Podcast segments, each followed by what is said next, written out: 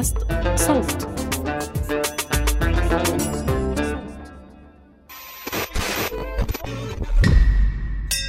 أهلا.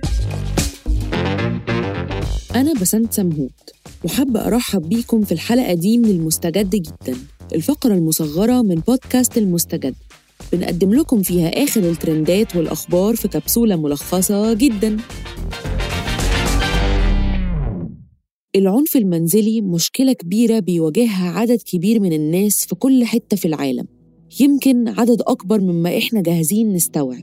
كل كام يوم بنسمع عن فيديو أو قضية أو بنشوف أمثلة في أعمال فنية. الفترة دي بتتفتح حوارات ومناقشات عن العنف المنزلي بسبب قضية التشهير اللي رفعها الممثل الأمريكي جوني ديب على طليقته الممثلة أمبر هيرد كل شوية بيطلع تسجيل أو رسائل إما مدينة لأمبر هيرد إنها كانت بتعنف جوني ديب أو بتدين ديب إنه كان بيعنف أمبر بالذات وهو تحت تأثير المخدرات والكحول. الناس أونلاين في منهم اللي بيدافع عن جوني ديب باستماتة وبيقولوا إنه لازم مناقشة العنف المنزلي تتضمن الضحايا الرجالة أكتر عشان وصمة العار اللي بيواجهوها. وبيستندوا على تسجيل هيرد وهي بتقول لديب قول للعالم جوني قول لهم أنا جوني ديب راجل أنا ضحية العنف المنزلي وشوف كام حد هيصدقك أو يأيدك وتسجيلات تانية بتقول فيها إنها ضربته I didn't punch you, by the way. You, I'm sorry that I didn't uh, uh, hit you across the face in a proper slap, but I was hitting you. I was not punching you. Babe, you're not punched. Don't tell me what it feels like to be punched. You know, even a lot of fights have been around a long time.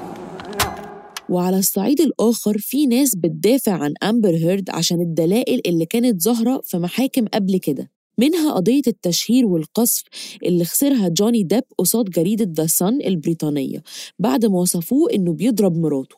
والمحكمة لقت إنه بناء على الأدلة الوصف ده مش غلط وبالتالي مش تشهير أو قذف.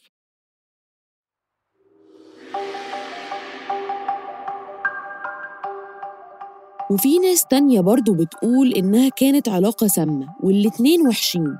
وفي ناس بترد عليهم إنه ولو الاتنين في العلاقة عنيفين مع بعض فالراجل عليه عبء أكبر لأنه في فروقات في ديناميكيات السلطة والقوة بين الراجل والست. وفي حالة جوني ديب فهو كان الممثل الأكبر وصاحب سلطة أكبر في مجال شغلهم والعلاقة. وردود عكسية بتقول إن جوني ديب كممثل خسر كتير من career ه وشغله بسبب الاتهامات بالعنف اللي هو لسه بينفيها الكلام كتير الموضوع شائك جدا وله سياق أكبر.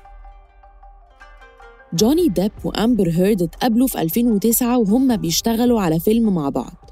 بدأت علاقتهم في أواخر 2011 أو في أول 2012 واتجوزوا في 2015 بعد الجواز بسنة في 2016 قدمت أمبر هيرد طلب على الطلاق بسبب اختلافات غير قابلة للمساومة وكان على وشها كدمة قالت إنها كانت ناتجة عن إنه جوني حدف عليها التليفون وبناء عليه فرض على دب أمر تقييدي مؤقت بيمنعه من إنه يقرب منها.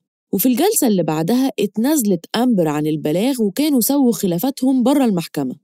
جوني ديب إدى أمبر 7 مليون دولار واستقرت الأمور لحد ديسمبر 2018 نشرت أمبر في جريدة الواشنطن بوست مقال بتتكلم فيه عن تجربتها مع العنف الجنسي بعنوان لقد تحدثت عن العنف الجنسي وواجهت غضب ثقافتنا.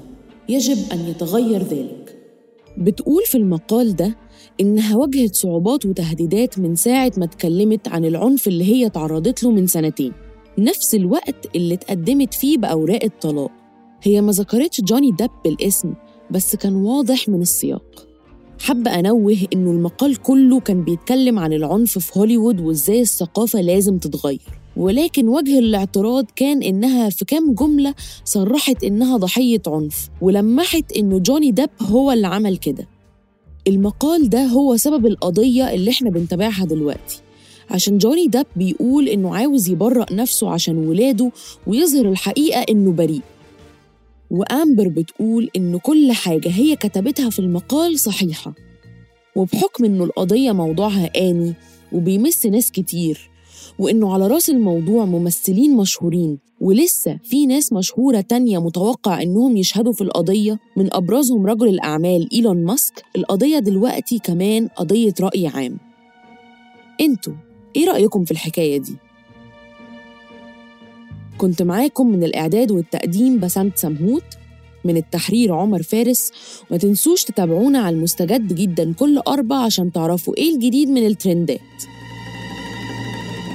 أما المستجد العادي فهو واخد أجازة الأسبوع ده وكل سنة وأنتوا طيبين. بودكاست المستجد جدا من إنتاج صوت.